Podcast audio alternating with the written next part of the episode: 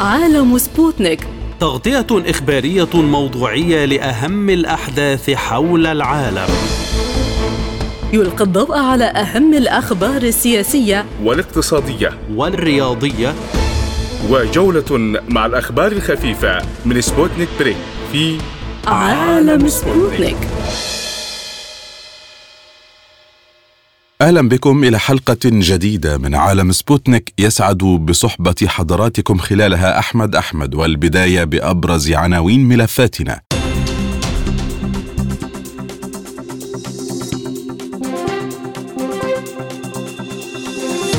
الجيش الروسي يدمر خطوط إمداد الناتو في أوكرانيا والحديث يتزايد عن مساعدات أمريكية مستقبلية لكييف. فيكتور أوربن يحذر الغرب من المشاكل التي ستنتج عن نجاح روسيا في أوكرانيا. قتلى وجرحى إسرائيليون في عمليتي إطلاق نار بالقدس وحكومة نتنياهو تتوعد بالرد. اجتماع عربي دولي في باريس لبحث تطورات الأوضاع في لبنان وهجوم مسلح في سفارة أذربيجان في طهران والرئيس الإيراني يأمر بإجراء تحقيق شامل. أكدت وزارة الدفاع الروسية تعطيل نقل الأسلحة الأوكرانية إلى الجبهات والتي من ضمنها الأسلحة الغربية التابعة لحلف الناتو نظرا للضربة التي تعرضت لها القوات الأوكرانية. وأعلنت الوزارة أن القوات الروسية استهدفت جميع الأهداف من خلال ضربة صاروخية ضخمة وبأسلحة دقيقة بعيدة المدى على منشآت نظم الطاقة التي كلفت عمل مؤسسات المجمع الصناعي العسكري ونظام النقل في أوكرانيا. ونتيجة الضربة تعطل نقل الأسلحة الأسلحة والذخائر إلى مناطق القتال كما تعطل عمل مرافق إنتاج المؤسسات الخاصة بإصلاح وترميم المعدات العسكرية للقوات المسلحة لأوكرانيا. من جهتها أعلنت واشنطن عن تسليم دبابات أبرامز إلى أوكرانيا خلال عدة أشهر لكن منسق الاتصالات الاستراتيجية في مجلس الأمن القومي في البيت الأبيض جون كيربي تجنب توضيح موقف الولايات المتحدة بشأن تسليم طائرات مقاتلة إلى كييف. ادعى كيربي أن بلاده لا تشارك مباشرة في الأزمة الأوكرانية مشيرا إلى أن الصراع بين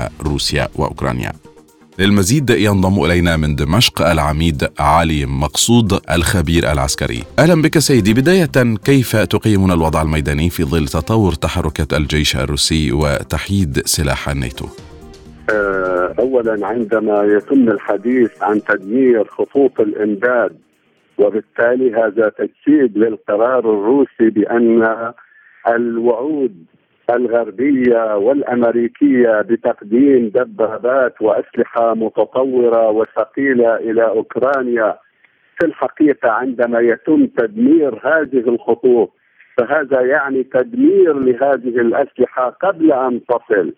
وفي ميادين القتال واضح من مجريات الأعمال القتالية إن كان بعد سيطرة الجيش على سوليدار ومن ثم محاصرة باخوت وحاليا تحطيم الخط الدفاعي الأول في الحقيقة مجريات الأمور والأعمال القتالية تصبح وبشكل لا غبار ولا نقاش حوله. بأن لدى روسيا القدرة على تحطيم كل هذه المقدرات. القوات الروسية استهدفت مراكز عمل الجيش الأوكراني ونظام النقل، في ما أهمية هذا على المستوى العسكري والاستراتيجي في الميدان؟ في الحقيقة روسيا تجنبت تدمير أو استهداف بطن البطن لأن لدينا ثلاثة آه، أساسي أو أسس يجب أن يتم تحطيمها لتحقق تقدم وانتصار. إما أن تدمر الرأس لكي تفقد القوات رأسها وقيادتها وبالتالي تتيه وتضيع هذه القوات. وهذا ما قامت به روسيا. دمرت آه، أكثر من 90% من مقرات القيادة ومستودعات والتسليح. وأيضا عندما تدمر مؤخرة القوات أي اللوجستيك وهذا ما تقوم به روسيا بتدمير كل خطوط الإمداد وأيضا آه، تطويق القوات وبالتالي تحرم القوات من عمليات الإمداد. إن كان بالأسلحة إن كان بالذخائر إن كان بالطعام آه، والوقود وغير ذلك. وبالتالي يتحول المقاتل في الحقيقة إلى حالة من الشلل المؤقت لكي ينتهي ويسقط في الميدان وهو عاري من كل شيء رغم كل ما يحدث واشنطن ما زالت تشير إلى إرسال أسلحة إلى أوكرانيا ولكن مع هذا التقدم الروسي ماذا تفيد أسلحة الغرب مهما كان تطورها؟ هذه الأسلحة حتى لو فعلا بدأت عمليات الإرسال بحاجة إلى أشهر عدا عن عمليات التدريب من قبل الجنود على هذه الدبابات وهذه الأسلحة. ولكن واضح بأن الهدف الأمريكي لا تستطيع أن تنزل وتعلن عن مواجهة مباشرة فهيبتها ومكانتها ومكانة أسلحتها ستهشم على مستوى الرأي العام العالمي. لا قدره لهذه الأسلحة وأنا أتكلم بعلمية وأملك المعرفة بالميزات الفنية والتعبوية لكل هذه الدبابات. وما هي أيضا الميزات الفنية؟ حتى الدبابة 72 بالمعدله تستطيع أن تواجه الدبابات الألمانية لباردو آه لبارد 2 وأيضا الدبابات الأمريكية وحتى البريطانية وغير ذلك فكيف وقلت هذا الكلام فكيف عندما روسيا قامت بزج وزيادة آه، وتيرة التصنيع للدبابات تي 90 التي تعتبر الأحدث في العالم وهناك ميزة للدبابات الروسية بأنها أصغر من الدبابات الغربية وأقل وزنا وبالتالي لديها قدرة على المناورة والتخفي لا تملكها بقية الأسلحة. فكيف إذا ضفنا المدى الأبعد والأكبر للمدفع الذي تحمله الدبابات الروسية والقدرة التدميرية للقذائف التي أيضا تزخر بها هذه الدبابات؟ حذر رئيس الوزراء المجري فيكتور أوربن الدول الغربية من مغبة استمرار دعم أوكرانيا بالسلاح في ظل تقدم القوات الروسية في العملية العسكرية، وقال أوربن إن النجاح الروسي في أوكرانيا سيجعل الدول الناتو تواجه مشاكل، لافتا إلى أن ذلك سيؤدي إلى التفكير العميق حول كيفية الرد وإرسال جيوشها إلى أوكرانيا، وأضاف خلال اجتماع في مؤتمر إعلامي دولي أن الغرب في حالة حرب مع روسيا، بل إنه يذهب إلى أبعد من ذلك كل يوم وذلك من خلال إرسال المزيد العديد من أنظمة السلاح المختلفة ما يجعل خطر المواجهة يتزايد. وأوضح أوربن أن الولايات المتحدة لا تفكر في تداعيات ما يجري لكن الأوروبيين يخشون من تدمير بلدانهم إذا توسعت رقعة الصراع. للمزيد ينضم إلينا من الدوحة الأستاذ الدكتور رائد المصري أستاذ العلوم السياسية والعلاقات الدولية. أهلا بك دكتور رائد. بداية ماذا ينتظر الغرب من كييف بعد المعدلة العسكرية التي لم تحققها أسلحتهم في أوكرانيا؟ لا طبعا آه، هذا التحذير واضح آه، خصوصا في ظل نقل المعركة اليوم إلى مواجهة جديدة. آه، يعني هناك مواجهة جديدة بدأ يتخذها الغرب مع روسيا في أوكرانيا عبر الدعم وتوسيع دائرة الدعم التسليحي من دبابات وغيرها دبابات ألمانية والتشالنجر البريطانيه وأبرامز الامريكيه وغيرها. نحن أمام مواجهة جديدة. هذه المواجهة لها حساباتها. على المستوى العسكري الميداني ولها حساباتها على مستوى الاصطفافات ولها حساباتها على مستوى القرار الروسي آه، في هذا آه، الشأن ولذلك تطلق هذه التحذيرات وهذا التخوف الغربي هذا التخوف على منظومة البلدان الغربية أو بلدان شرق أوروبا آه، من تداعيات تؤثر سلبا على المستقبل الاقتصادي والمستقبل الأمني والسياسي. هذا هو الواقع لكن أنا أعتقد أنهم لن ينجحوا. هذه سلسلة من أدوات آه، صراع جديدة يستخدمها الغرب ويعمل عليها. عله يوقف أو يكبح الاندفاع الروسيه العسكريه، لاحظنا نحن في الآونة الأخيرة كان هناك اندفاع متقدم على المستوى العسكري وتحقيقات وأنجازات وقصف صاروخي وعسكري مركز روسي. على مناطق عسكرية أوكرانية، هذا الموضوع يعني أزعج الغرب قليلا بعدما أن أنه اعتبر أن روسيا آه، قد خففت من حدة هجماتها وأبقت على ستاتيكو معين ممكن قابل للتفاوض المستقبلي، لكن لا الروس أعاد روسيا أعادت اندفاعاتها العسكرية وأرادت توسيع دائرة هذه الحرب لأهداف عسكرية استراتيجية بحتة. وبالتالي هناك تخوف غربي من أن يصبح هذا ستاتيكو قائم على هذا المستوى وأن يحدث تداعيات وتفاعلات نتيجته سياسية كبيرة وأمنية على المنظومة الغربية. فلذلك نقل هذه المواجهة لتتوسع دائرتها أكثر. وأعتقد أن هناك تخوف كبير حتى لدى الغرب من توسع هذه آه، آه، المواجهة آه، لكي تشمل يعني أسلحة غير تقليدية، أسلحة ممكن أن تكون أشد فتكا وتدميرا، هذا هو الواقع الذي يخشاه الغرب. كذلك ماذا يفهم من تصريح رئيس الوزراء المجري الذي حذر الغرب من المشكلات التي ستنتج من نجاح روسيا في أوكرانيا؟ نحن نعرف أنه بالأساس الروس أطلقوا على هذه العملية هي عملية خاصة، لكن الغرب ينظر إليها على أنها عملية بعمق استراتيجي كبير، يعني بمعنى أنه آه، يعني الواقع الروسي إذا ما استتب له ما يريد على المستوى العسكري والاستحواذ والسيطرة بشكل كامل على أوكرانيا يعني عمليا سقطت آه، عم نحكي بالمفهوم الاستراتيجي أو المدى الحيوي للدول.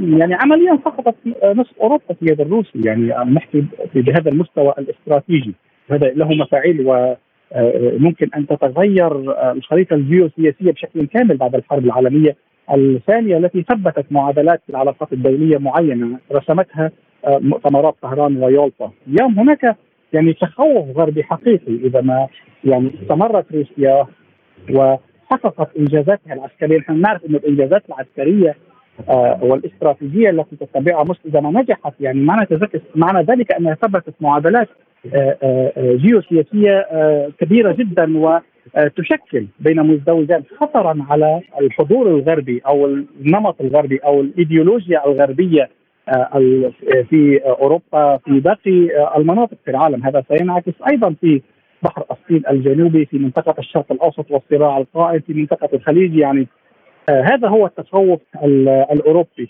ومن هنا أطلقت هذه التحذيرات وانه حكما ستكون التداعيات أكبر على المستوى الأوروبي ودول شرق أوروبا.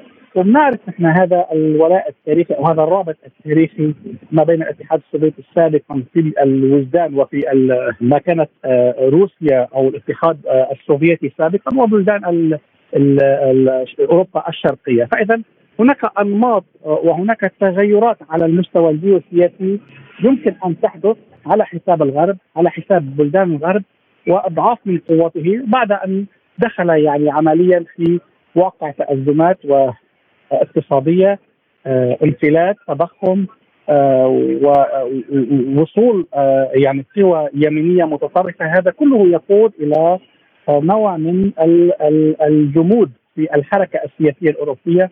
نلاحظ نحن وزير الدفاع الألماني كيف قال إنه حتى ال 100 مليار يورو تسليحا للخزانة هذا لا يكفي. يعني هم يريدون المزيد. فإذا بدأنا نشهد منحى تصعيديا أكبر.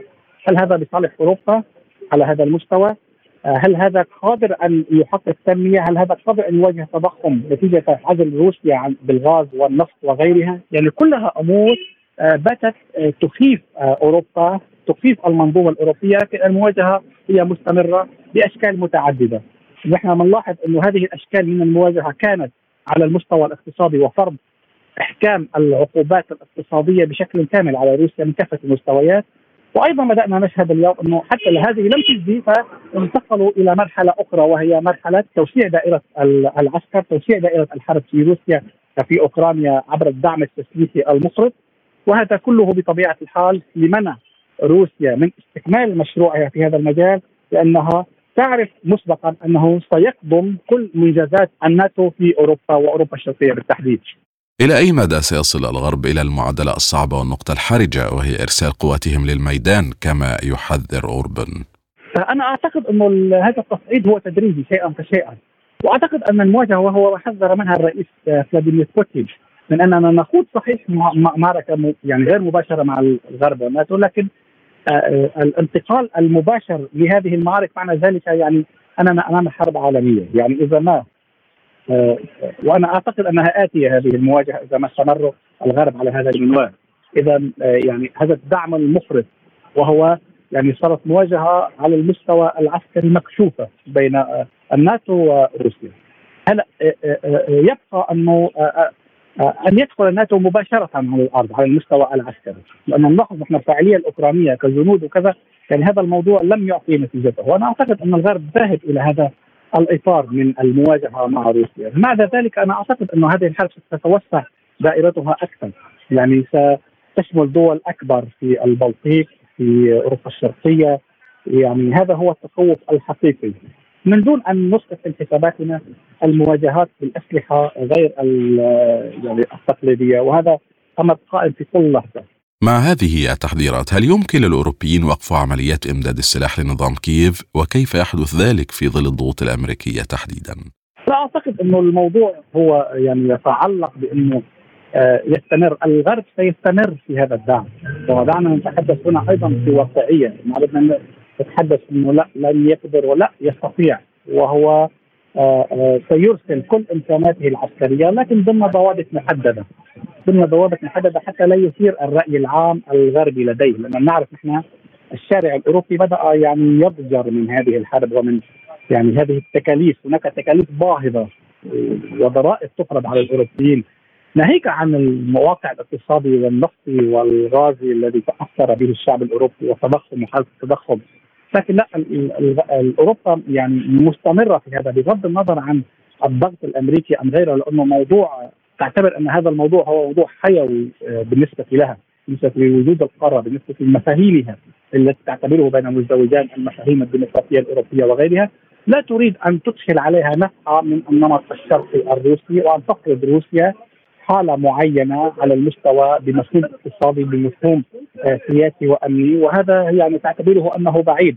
وخاصة الانماط الاقتصادية والأفكار الاقتصادية التي تربت عليها الأجيال الأوروبية من النمط الغربي المعولم المتوحش إلى آخره إلى آخره من أنماط اقتصادية لا تريد إدخال شيء جديد كما تفعل آه، روسيا. هي تريد فرض واقع آه، اقتصادي سياسي أمني في العالم. لتقول ولا إننا لا نسلم للأمريكي بكل شيء ولا نستطيع أن نسلم للأمريكي وللمفاهيم الاقتصادية الأمريكية بكل شيء والمفاهيم الأمنية بكل شيء. يعني آه، هناك تحدي كبير جدا على مستوى موازين القوى من سيفرض موازينه ومن سيفرض رؤيته ومن سيفرض إيديولوجيته الاقتصادية والسياسية والأمنية.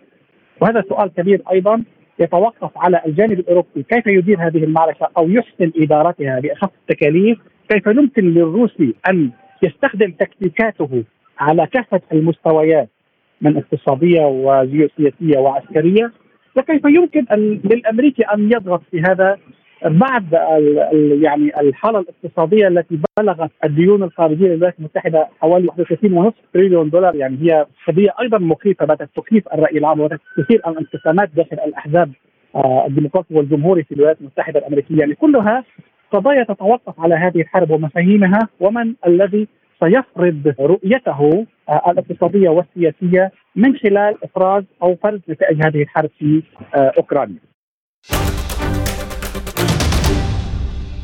قتل ما لا يقل عن ثمانية إسرائيليين وأصيب أكثر من عشرة أشخاص نتيجة عملية نوعية قام بها شاب فلسطيني أمام كنيس يهودي في منطقة نبي يعقوب شمالي القدس. وقال الإعلام العبري أن منفذ العملية من حي طور بمدينة القدس وأطلق الرصاص على تجمع إسرائيلي. بعد يوم واحد من شن الجيش الإسرائيلي حملة في مدينة جنين ومخيمها أسفرت عن استشهاد عشرة فلسطينيين. وفي حي سلوان جنوب المسجد الأقصى أفادت مصادر باستهداف الشخصين في عملية إطلاق نار وصفت حالتهما بالخطيرة. من جهته أكد رئيس الوزراء الإسرائيلي بنيامين نتنياهو أنه تم إقرار سلسلة من الإجراءات الفورية وسيتم تطويرها خلال اجتماع المجلس الوزاري الأمني المصغر مساء السبت متوعدا بالرد على العملية بعد الاتفاق مع أركان الكابينت. وأدانت الولايات المتحدة وبريطانيا عملية القدس وأعربت واشنطن عن تضامنها مع إسرائيل والتزامها بحمايتها. للمزيد ينضم إلينا من رام الله السيد أشرف العجرمي الكاتب والمحلل السياسي. السياسي أهلا بك سيدي. بداية في أي إطار يمكن قراءة عمليتي القدس وفارق التوقيت بينهما؟ يعني آه، يمكن القول أن آه، السياسات الإسرائيلية وخاصة عمليات القتل آه، شبه اليومي التي تمر على الشعب الفلسطيني في مختلف مناطق الضفة الغربية والقدس. ويعني برنامج الحكومة الإسرائيلية البرنامج الذي يقوم على الاستيطان وشطب فكرة قيام دولة فلسطينية مستقلة ومحاولات ضم الضفة الغربية بشكل كامل إلى إسرائيل.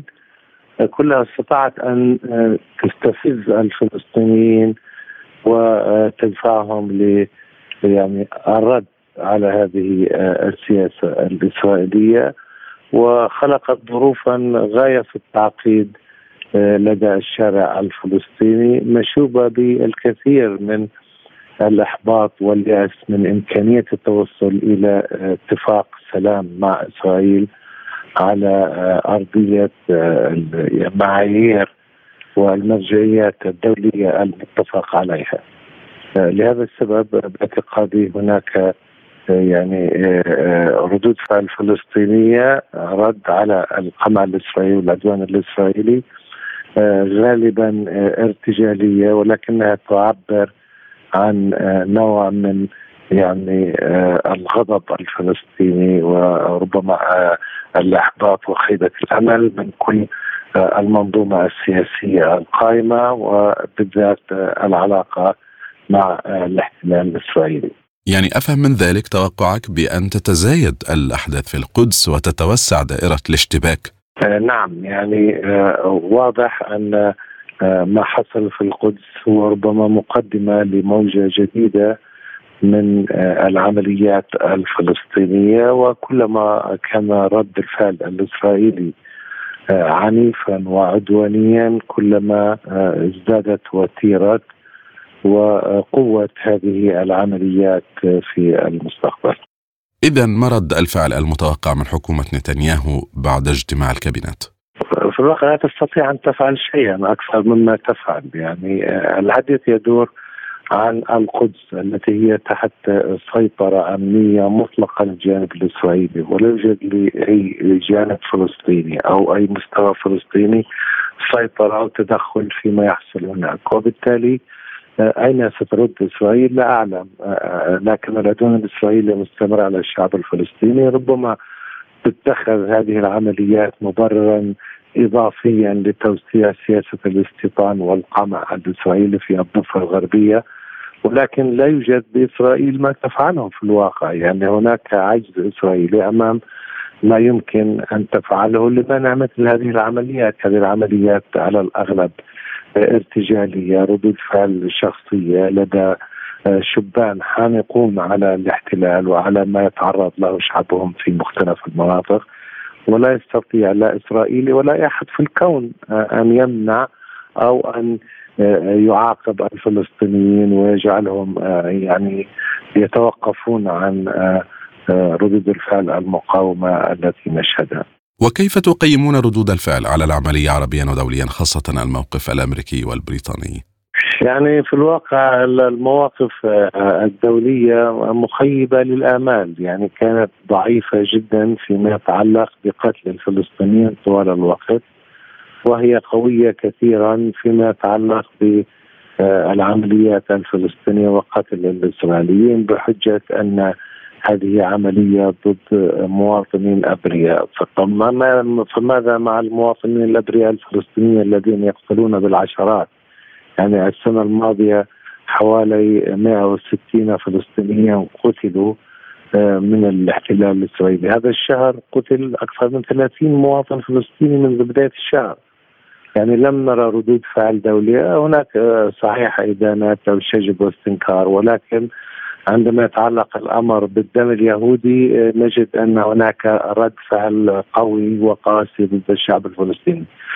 الاحتلال الإسرائيلي المستمر منذ 55 منذ أكثر من 55 عام لم يستفز ضمائر العالم وقتل بضعة مواطنين إسرائيليين يستفز ضمائر العالم وكأن هذا العالم يكيل بمكيالين فيما يتعلق بالدم. طبيعة الدم وجنسية الدم مهم. أنا أتحدث أوروبا الآن والولايات المتحدة الأمريكية على عقوبات قاسية غير مسبوقة ضد روسيا. طب ماذا مع إسرائيل؟ ماذا مع يعني دول أخرى كثيرة لم تفعل روسيا واحد بالعشرة أو واحد بالمئة؟ مما فعلت ضد الشعب الفلسطيني أو ضد أي يعني أمة أخرى ولا تتعرض لأي عقوبات، إسرائيل في الواقع محمية بحصانة دولية مجرمة تساعدها على هذا العدوان. ورد الفعل الأمريكي والبريطاني والغربي عموما هو الذي يمنح إسرائيل هذه الحصانة ويعطيها المزيد من القوة للتوغل بالدم الفلسطيني واستباحة الحقوق الفلسطينية، هناك ازدواجية معايير وهناك لا أخلاقية مطلقة وعالية جدا في تعامل الغربي مع حقوق الشعب الفلسطيني ومع جرائم إسرائيل التي لا تنتهي والتي ترتكب على مدار الساعة. إلى أين يمكن أن تصل دائرة الأحداث مع الأوضاع الحالية وازدياد التوتر وفي ظل حكومة يمينية متشددة في إسرائيل؟ كان واضح أن الحكومة اليمينية في إسرائيل تواجه مشكلات جدية وهي حكومة لا يستطيع أحد أن يتنبأ لها بالنجاح أو ربما الصمود إلى حتى نهاية ولايتها لأسباب كثيرة داخلية وخارجية. ولكن الوضع عموما في المنطقة وفي العلاقة بين الفلسطينيين والإسرائيليين سيكون متفجرا ومتصاعدا طالما أن إسرائيل موغلة في عدوانها ضد الشعب الفلسطيني موغلة في التنكر لحقوق الشعب الفلسطيني وعلى أجندتها الضم وقطع الطريق أمام حل الدولتين. وما لم تكن هناك عملية سياسية جادة ويقتنع فيها الشعب الفلسطيني باننا أمام انطلاقه ستعيد له حقوقه الوطنية. سيستمر هذا الصراع ويتصاعد ربما يعني يزداد قوة في مراحل ويقل قوة في مراحل أخرى ولكنه مستمر ومتواصل وفي كل مرة ينفجر فيها يكون أكثر شدة وعنفا وهذا ما لا نتمناه ولكن هذا هو للأسف الواقع. تجتمع دول عربية وأوروبية في باريس لبحث تطورات المشهد السياسي والاقتصادي في لبنان وذلك بعد أن وصلت إلى طريق مسدود نتيجة الشغور الرئاسي والوضع الاقتصادي الأصعب. وكشفت مصادر دبلوماسية لوكالة سبوتنيك أن الاجتماع الدولي العربي سيعقد في العاصمة الفرنسية باريس في السادس من فبراير شباط المقبل على مستوى مديري الخارجية وعدد من السفراء والمستشارين. وأوضحت المصادر أن الدول المشاركة في الاجتماع هي الولايات المتحدة وفرنسا ومصر والسعودية وقطر وذلك ذلك لبحث آخر تطورات الأوضاع في لبنان والمساهمة في خرق الجمود السياسي وإيجاد حلول سريعة لمعالجة الوضع الاقتصادي. ويعاني لبنان من فراغ رئاسي منذ نهاية أكتوبر الماضي حيث فشل البرلمان في انتخاب رئيس جديد للبلاد خلال 11 جلسة. وتقوم حكومة تصريف الأعمال برئاسة نجيب ميقاتي بإدارة شؤون البلاد. للمزيد ينضم إلينا من باريس دكتور طارق وهبي الباحث في العلاقات الدولية بجامعة باريس. أهلا بك دكتور. بداية ماذا يستفيد لبنان من إجراء مباحثات عربية دولية حول الأوضاع المتأزمة فيه. صباح الخير يا سيدي وشكرا لاستضافتك. أه أه لبنان هو مقر إذا أردنا بالقول لعدد من القوى المتصارعة العربية أيضا على الساحة العربية وعدد من القوى الإقليمية أيضا المتصارعة. لذلك إذا كان هناك اجتماع في باريس في هذا الموضوع قد يفيد بمفهوم أن هذه القوى التي تتصارع قد تتفاهم على مواضيع تفيد لبنان اولا وتفيد مصالحها بالطبيعة. لذلك أنا برأيي أي اجتماع دون وجود لبنان أو دون حضور القوى التي تمثل هذه القوى المتصارعة العربية إن كانت عربية أو إقليمية وأذكر يعني إيران مثلا المملكة العربية السعودية بعض دول الخليج التي تدعم فئات ما معينة في لبنان كل هذه الدول وحتى العراق يعني الذي جزء منه يدعم حزب الله مثلا وهو واقف مع إيران، كل هذه الدول عندما تجتمع بإرادة حقيقية لإنقاذ لبنان من الأزمة السياسية والأزمة الاقتصادية أعتقد أن هذا الاجتماع يفيد لبنان. وهل تفيد فرنسا لبنان هكذا باستضافة باريس مثل هذه الاجتماعات؟ يعني فرنسا تلعب دور مهم وخصوصا أنها الدولة التي كانت هي دولة الانتداب هي الدولة التي أسست هذه الدولة اللبنانية منذ العام 1920 بإنشاء ما يسمى لبنان الكبير بعد ما كان هناك انقسامات بمفهوم المتصرفية في جبل لبنان والولايات التي كانت تابعة إلى سوريا الدولة الحالية الآن. أنا برأيي الفرنسيون يعرفون جيدا السياسة اللبنانية ولكن للأسف الشديد دخلوا في متاهات وبالتحديد بعد الرابع من آب 2020 والانفجار الكبير في بيروت لم يستطيعوا أن يعيدوا اللحمه والبناء في لبنان وللأسف الشديد هم أيضا يبحثون عن مصالحهم ورأينا كيف مثلا آه، آه، العقد الذي آه، لتشغيل مرفأ بيروت كان بدعم فرنسي وهم شركة فرنسية يعني مركزها مرسيليا في الجنوب الفرنسي التي استطاعت أن تكسب هذا العقد طبيعي بدعم فرنسي. وفرنسا يجب أن نعلم جيدا هي قامت بعدد من المؤتمرات إما الاقتصادية باريس واحد باريس اثنين وسادر أخيرا آه، بحقبة الرئيس سعد الحريري وهي أيضا آه، قامت بعدة لقاءات بمفهوم ليجتمع اللبنانيين اللبنانيون على آه، نوع من مؤتمر تأسيسي جديد أو حتى brainstorming بمعنى جدل فكري يأتي ببعض المشاريع التي قد تفيد لبنان وتفيده في المستقبل. هل يتمخض عن مثل هذه اللقاءات بالفعل نتائج تغير الوضع اللبناني للأفضل؟ وإذا حدث ما المتوقع أن تسفر عنه؟ يعني هذه الاجتماعات مهمة ولكن للأسف نتائجها ليست آه، يعني فورية. معظم هذه النتائج تأتي لاحقا إذا كانت إيجابية لأنه هناك بعض مرات نتائج سلبية بمفهوم أن قد يكون هذا الاجتماع يدعم فئه في لبنان. وقد ترى هذه الفئة في لبنان أنها آه، أن الفئات الأخرى عفوا التي لم تدعمها آه، يعني دعمها هذا المؤتمر أن هناك خللا ما بما نسميه آه، التركيبة اللبنانية التي هي جد حساسة. لذلك أي نتائج؟ أنا برأيي الأولى هو المفهوم الأساسي الآن أو المشكلة أو المعضلة هي الموضوع الاقتصادي. يجب أن نحل هذه المشكلة بدعم مالي اولا وبإعادة هيكلة كل الديون اللبنانية وبإعادة أنا برأيي للأسف الشديد ما نسميه إعادة الدولة إلى الدولة. بمعنى الآن هنا البلد لبنان داخل بأزمة فساد داخل في أزمة فراغ. آه، خصوصا يا سيدي المشكلة الكبرى أنه رأينا ما حصل بالقضاء أخيرا وتعارض القضاة ما بينهم من بعض. أكثر من ذلك مفهوم هبوء ارتفاع العملة آه، على الدولار بشكل جنوني يعني أصبح وصلت إلى 63 ألف ليرة للدولار الأمريكي الواحد. ونقص في الأدوية، نقص في الغذاء، آه، نقص في الماء، نقص في الكهرباء، كل ذلك يعني الحياة اليومية الآن. إذا كانت تستطيع هذه اللقاءات أن تخرق أو جدار ما نسميه هذه الأزمة فليكن. ولكن أنا باعتقادي لكي أكون موضوعي وواقعي يا سيدي كل النتائج المتوقعة في هذه الاجتماعات هي نتائج أنا باعتقادي سياسية وليست لها علاقة بالمفهوم على الأرض إلا إذا كانت فرنسا ستضغط وستحصل كما حصلت مع المملكة العربية السعودية لما نسميه صندوق للدعم الإنساني آه، وصندوق لدعم الجيش اللبناني الذي آه، يعني الكل يرغب أن لا يكون هناك خلل أمني وعدم وجود خلل أمني يعني مقابله أن يكون الجيش لا يزال بقوته ويحافظ على الأمن الداخلي. إذا ما أهمية أن يكون الوضع اللبناني هكذا محل نقاش بين كبار الفاعلين على المستوى الإقليمي والدولي؟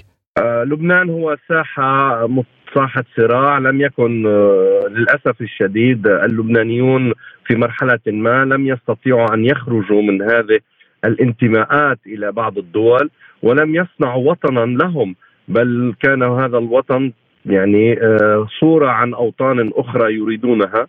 آه وعندما يجتمع هؤلاء الذين يدعمون البعض داخل لبنان من الطبيعي أن يكون مؤثرا جدا في الداخل وأن يكون هذا الاجتماع أيضا له علاقة بالجيوسياسيا السياسية الجيوسياسية الموجودة بمعنى القرب إلى دولة إسرائيل قضية فلسطين المركزية آه، كل ما يحصل في سوريا.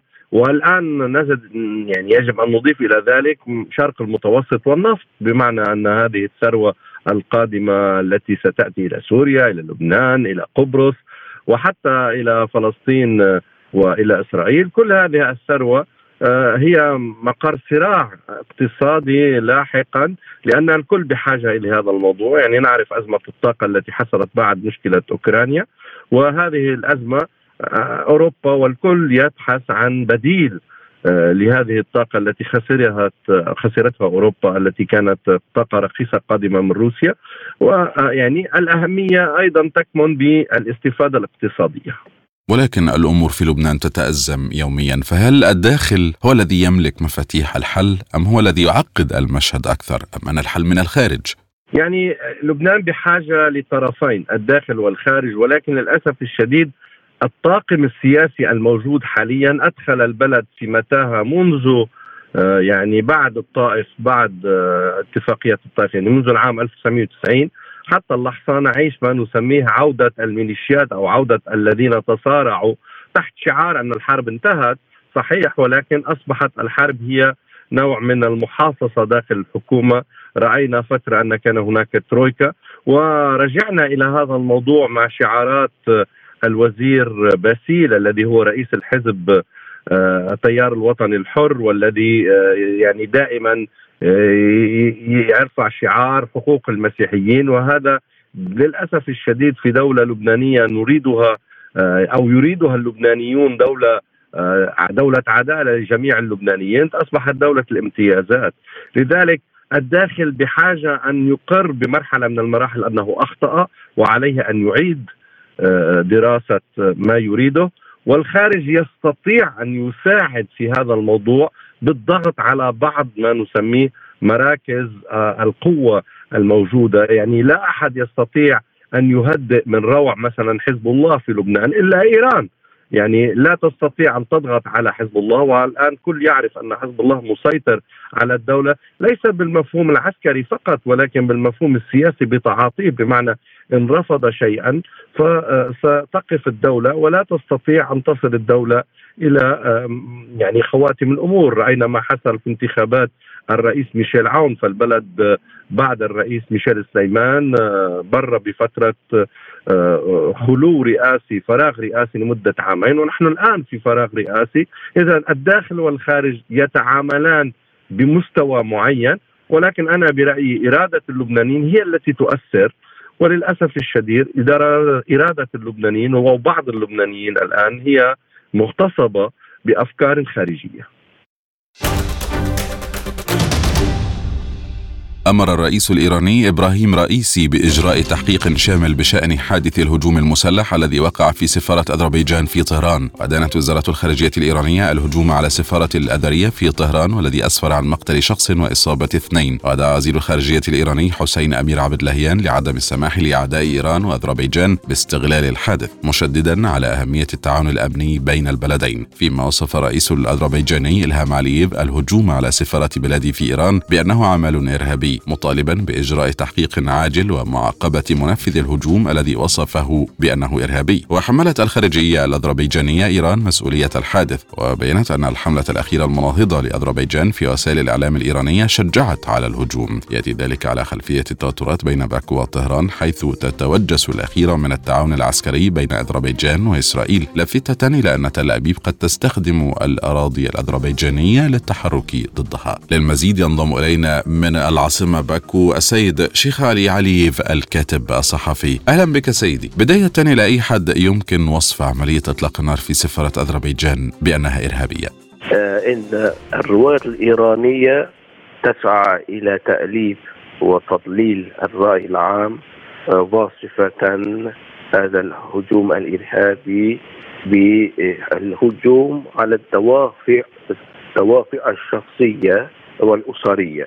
لكن نحن نرى آه، من خلال مقاطع الفيديو المأخوذة من كاميرات المراقبة المثبتة في مبنى السفارة أن المسلح آه، هو آه، يتقن استخدام السلاح وحاول عدة مرات الدخول إلى مبنى السفارة وهدفه الرئيسي هو قتل أكثر من شخص من موظفي السفارة.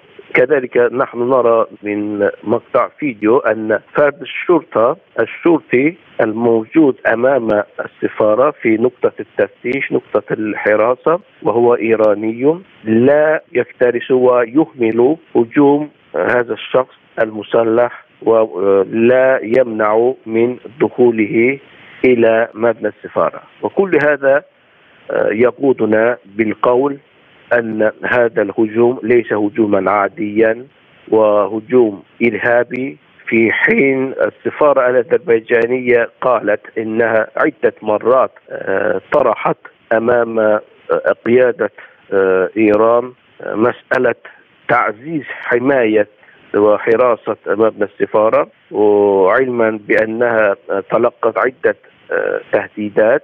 لكن أهملت القيادة وأهملت السلطات المعنية الإيرانية مطالب للسفاره الأذربيجانية. وكل هذا يدل مرة أخرى على أن هذا الهجوم إرهابي وعمل إرهابي ضد سفارتنا في طهران. إذا مع ما ذكرت سيدي من وراء الهجوم وماذا تستهدف هذه العملية وما هي دوافعها؟ خاصة وأن أذربيجان حملت بالفعل إيران مسؤولية الهجوم. نعم نعم. أذربيجان تحمل إيران مسؤولية الهجوم وتحمل إيران تطالب إيران معاقبة آه، مرتكب الجريمة. وكذلك من دبر وساهم في تنفيذ هذه الجريمة البشعة علما بأن هذا ليس آه، شغل وجريمة آه، نفذت من شخص واحد. يعتبر هنا أن هذه الجريمة دبرت آه، مسبقا ونفذت في آه، آن ملائم هل تتأثر العلاقة بين إيران وأذربيجان نتيجة الهجوم المسلح الذي وقع في السفارة بطهران؟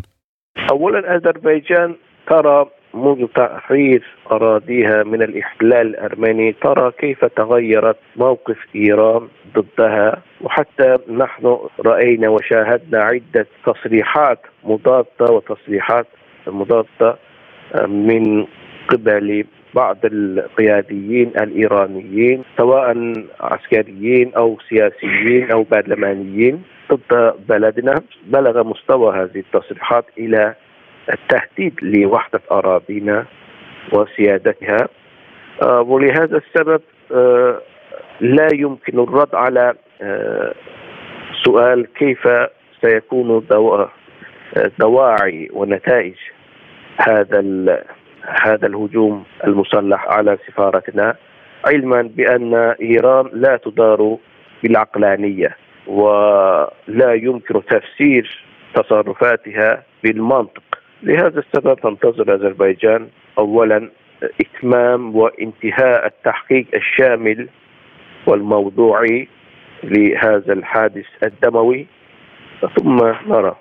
وزير الخارجية الإيراني دعا لعدم السماح لأعداء إيران وأذربيجان باستغلال الحادث برأيك من يقصد بالأعداء؟ في الدبلوماسية مصطلح لاتيني يقال مودوس اوبيراندي يعني طبيعة المزاج طبيعة التعامل نحن رأينا ونرى طبيعة تعامل إيران مع جيرانها مع مسائل وقضايا التي تقلق جيرانها وخاصة أذربيجان جارها الشمالي الرئيسي. آه، لهذا السبب الإشارة إلى أعداء في هذه المسألة أنا أعتقد أن ذريعة لتجنب والتنصل من تحميل مسؤولية هذا الحادث البشع. آه، لهذا السبب هذا الحادث وقع في أراضي أذربيجان في أرض إيران وأيضا أمام مرأى ومشهد لشرطي إيران موقوف أمام مبنى السفارة وكيف يمكن أن نتهم أو هنا أعضاء إيران بالاستغلال من هذه الفرصة من هذا الحادث. إيران كانت مسؤولة عن ضمان حراسة سفارتنا وسفارات وبعثات الدبلوماسية الأخرى علما بأنها دولة مضيفة بموجب قواعد آه، دولية لكن قصرت هذا الأداء بشكل كبير ومما أدى إلى وقوف هذا العمل الإرهابي ضد سفاراتنا. سفارات أذربيجان هذه آه، آه، هي المرة الخامسة التي تتعرض سفاراتنا في الخارج لهجوم ولعمل إرهابي وحتى في فرنسا عدة مرات في فرنسا ولبنان حاول الأرمنيين الأرمن وبعض الجاليات الأرمينية آه، تخريب مبنى السفارة والدخول فيها. لكن حادث طهران أخطر حادث بين هذه الحوادث التي تعرضت لها سفاراتنا في الخارج. ألا يشكل الإصرار على التقصير الإيراني استباقا للأحداث خاصة وأن الرئيس الإيراني بذاته شدد على إجراء تحقيق شامل؟ آه، أنا أعتقد إذا إيران تريد أو أرادت أن آه، تكون آه، موضوعية في تحقيق هذه المسألة فكان من المفروض عليها ألا تعلن أنها وقعت على دوافع شخصية أو أسرية يعني قبل بدء التحقيق في المسألة لأن كان من المفروض عليها أن تنتظر حتى انتهاء التحقيق الشامل ثم تعلم إحساسيات الحادث. لكن سارعت القيادات الإيرانية وبعض القياديين الإيرانيين إلى تقديم هذا الحادث كحادث شخصي وحادث أسري. وهذا غير مقبول. حتى قانونيا غير مقبول.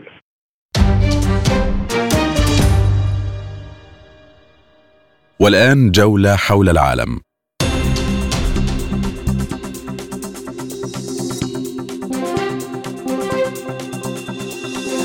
تخوض القوات المسلحة الروسية معارك ضارية بالقرب من مدينة أوغليدار وأعلن مستشار القائم بأعمال رئيس جمهورية دونيتسك الشعبية يان غاغين أن القوات تمركزت في شرق وجنوب شرق ضواحي المدينة. وقال غاغين لوكالة سبوتنيك أن الهجوم على أوغليدار معقد بسبب وجود منطقة صناعية كبيرة تستخدمها القوات الأوكرانية مشيرا إلى أن هناك عوامل إيجابية في الوضع الحالي.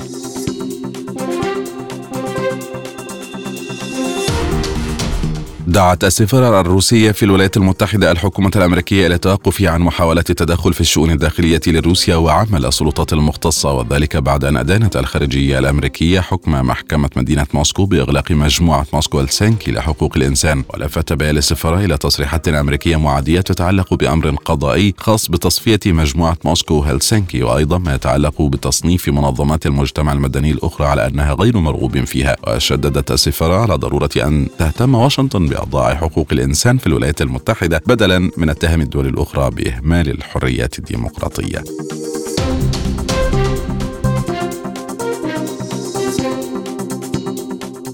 دعا نائب وزير الخارجية الروسي سيرجي ريابكوف جميع الأطراف المعنية بالوضع حول شبه الجزيرة الكورية إلى التركيز على منع حدوث صدام نووي في شمال شرق آسيا. وأكد ريابكوف التزام موسكو معاهدة عدم انتشار الأسلحة النووية التي تنص على وجود خمس قوى نووية فقط. وحث على ضرورة أن تتركز جهود جميع الأطراف المعنية على تجنب حرب نووية في المنطقة.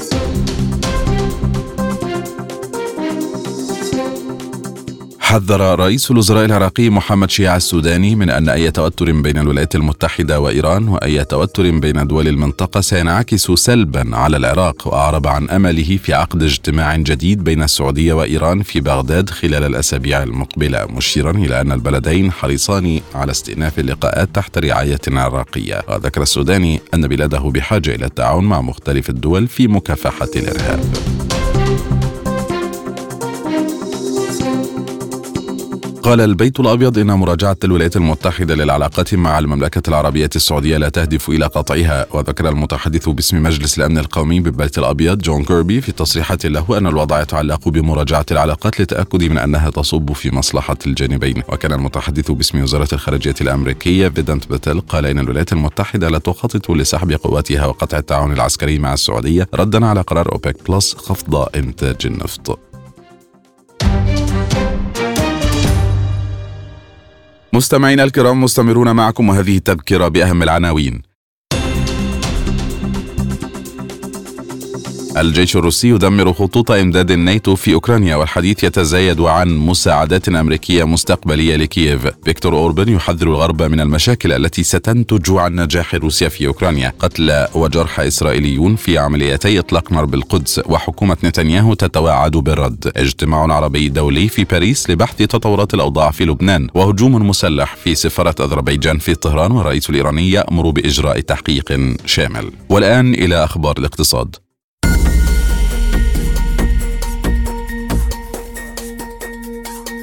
أصبحت دولة الإمارات على وجه الخصوص مدينة دبي واحدة من الوجهات الأجنبية الرئيسية للشركات الروسية بعد اندلاع أزمة أوكرانيا وباتت نقطة عبور ونقل للعمليات التجارية. وذكرت صحيفة كوميرسانت الروسية في تقرير لها أن دبي أصبحت على عكس جورجيا وأرمينيا وتركيا حيث انتقلت إليها الشركات الروسية المتوسطة والكبيرة. في العام الماضي وبعد فرض العقوبات الغربية على موسكو شعرت عدة دول بتدفق ملحوظ للمواطنين الروس وبحسب بيانات رسمية ارتفع تدفق الروس إلى تركيا بنسبة 13% أما إلى الإمارات فقد صعد بنسبة 60%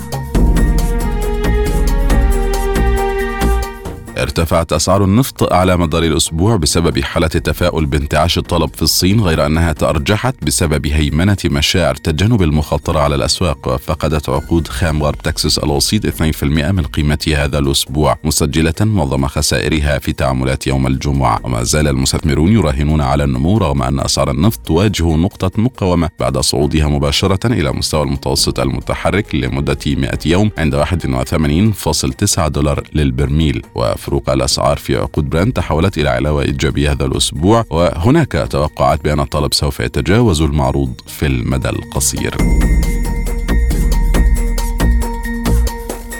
تراجعت العقود الآجلة للذهب لكنها سجلت سادسة مكاسب أسبوعية على التوالي وهبطت العقود الآجلة للذهب بنحو 1 من عشرة في المئة إلى 1929.4 دولار للأقية عند التسوية مسجلة مكاسب أسبوعية طفيفة بنحو 1 من عشرة في المئة. وتترقب الأسواق اجتماع الاحتياطي الفيدرالي الأسبوع المقبل وما إذا كان سيتخذ قرارا بزيادة الفائدة بنحو 25 نقطة أو 50 نقطة. أظهرت البيانات ارتفاع مقياس التضخم بنحو 4.4% الشهر الماضي وهي أبطأ وتيرة منذ أكتوبر 2021 وبنسبة 3% على أساس شهري.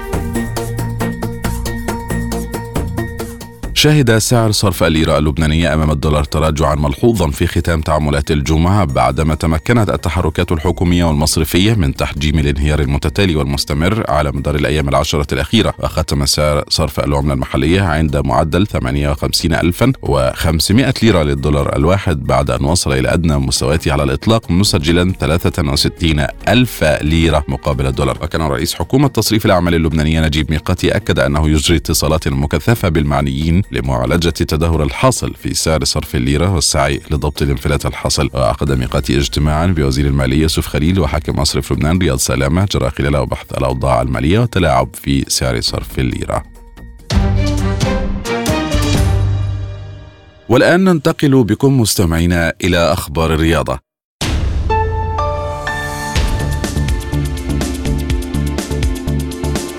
تأهل مانشستر سيتي إلى ثمن نهائي كأس الاتحاد الإنجليزي عقب فوزه على ضيفه أرسنال بهدف نظيف أحرزه ناثان آكي في الدقيقة 64 وعلى ملعب الاتحاد. دفع المدرب أرتيتا بكل أوراقه لأصحاب الأرض بحثا عن العودة في النتيجة وكاد أرسنال يسجل التعادل في الدقيقة الثامنة والثمانين بعد توغل من مارتينيلي في الجانب الأيسر لمنطقة الجزاء. أرسل الكرة وصلت إلى نكيتياه قبل أن ينقذ الموقف أورتيغا ويمسك بها. لينتهي اللقاء بفوز السيتي.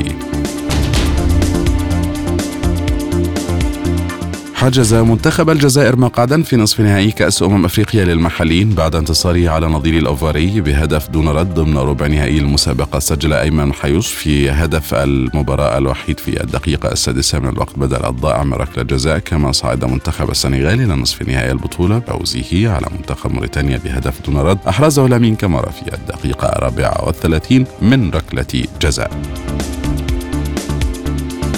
خسر المنتخب المصري لكرة اليد أمام منتخب ألمانيا 34 مقابل 35 في مباراة تحديد المراكز من الخامس إلى الثامن بكأس العالم. وانتهى الوقت الأصلي بالتعادل 30 30 ونجح الألمان في إنهاء المباراة لصالحهم بفارق هدف ويلعب منتخب مصر في مباراة تحديد المركزين السابع والثامن ضمن هذه البطولة ضد منتخب المجر الذي خسر من النرويج بنتيجة 33 ل 25 ويلعب النرويج ضد ألمانيا في مباراة تحديد المركزين الخامس والسابع. السادس. وفي النهائي يلعب منتخب الدنمارك وفرنسا على ذهبية كأس العالم المقامة في السويد وبولندا. تكرارا لنهائي أولمبياد طوكيو 2020 وتفوق منتخب الدنمارك على إسبانيا بنتيجة 26 ل 23 بينما فاز منتخب فرنسا على السويد مستضيفة البطولة 31 26 ويقام نهائي الأحد المقبل ويأمل منتخب الدنمارك حصد اللقب للمرة الثالثة في تاريخه وعلى التوالي. فيما يأمل منتخب فرنسا حصد اللقب للمرة السابعة. والآن مع سبوتنيك break.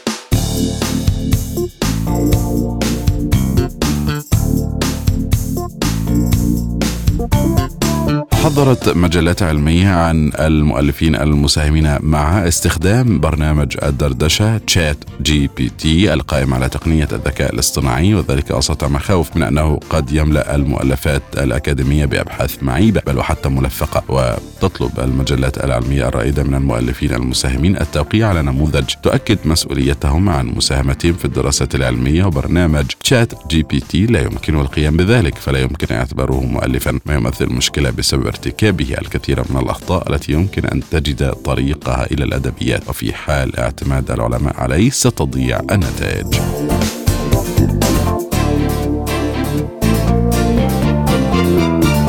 أظهرت دراسة علمية أن الجينات المتحورة الصحية لدى الأشخاص الذين يتمتعون بلياقة بدنية فائقة ممكن أن تمنع تراجع أداء القلب لدى كبار السن. وتوصل العلماء في الدراسة إلى أن الحقن بتلك الجينات المعروفة باسم الجينات الخارقة في خلايا القلب المتقدمة في العمر يعيد توليدها ما يجعلها تعمل كما لو كانت أصارى بعشر سنوات. وأدخل علماء من جامعة بريستول في التجارب العلمية الجديدة المتغير الجيني في فيروس غير الضار ثم حقنوه بعد ذلك في الفئران المسنة ليكتشفوا أنها أعادت عقارب الساعة البيولوجية إلى القلب بما يعادل عشر سنوات إلى الوراء. نعت وزارة الثقافة السورية وعدد من المؤسسات الثقافية العربية الشاعر والناقد والمترجم نذير العظمة الذي توفي عن عمر ناهز 93 عاما. ولد العظمة في دمشق عام 1930 وتخرج في كلية الآداب بجامعة دمشق وقضى 40 عاما بمجال التدريس الجامعي في الولايات المتحدة والمغرب السعودية. ونشر مقالات ودراسات في عدد من الدوريات والصحف العربية. ويعتبر من أوائل الشعراء الذين كان لهم دور في تطوير القصيدة العربية. العربية الحديثة وتمحور شعره حول الذات والوطن والمرأة وينسب إليه ابتكار القصيدة المدورة ذات السطر الواحد.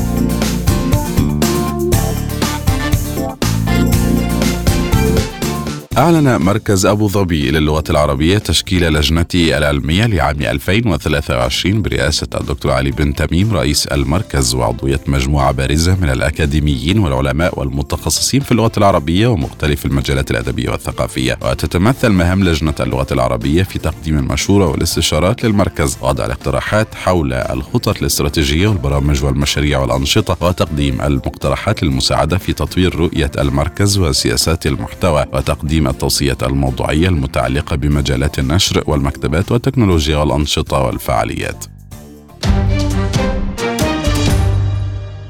ولا يبقى مستمعين في هذه الحلقة سوى التذكير بأهم ملفات عالم سبوتنيك. الجيش الروسي يدمر خطوط إمداد الناتو في أوكرانيا والحديث يتزايد عن مساعدات أمريكية مستقبلية لكييف. فيكتور اوربان يحذر الغرب من المشاكل التي ستنتج عن نجاح روسيا في أوكرانيا. قتلى وجرحى إسرائيليون في عمليتي إطلاق نار بالقدس وحكومة نتنياهو تتوعد بالرد. اجتماع عربي دولي في باريس لبحث تطورات الأوضاع في لبنان وهجوم مسلح في سفارة أذربيجان في طهران والرئيس الإيراني يأمر بإجراء تحقيق شامل. في الاقتصاد الإمارات وجهة عدد كبير من الشركات الروسية بعد أزمة أوكرانيا. وكان في الرياضة مانشستر سيتي يتأهل إلى ثمن نهائي كأس الاتحاد عقب فوزه على أرسنال بهدف نظيف. انتهت هذه الحلقة. شكرا وإلى اللقاء. للمزيد زوروا موقعنا على الإنترنت سبوتنيك dot AE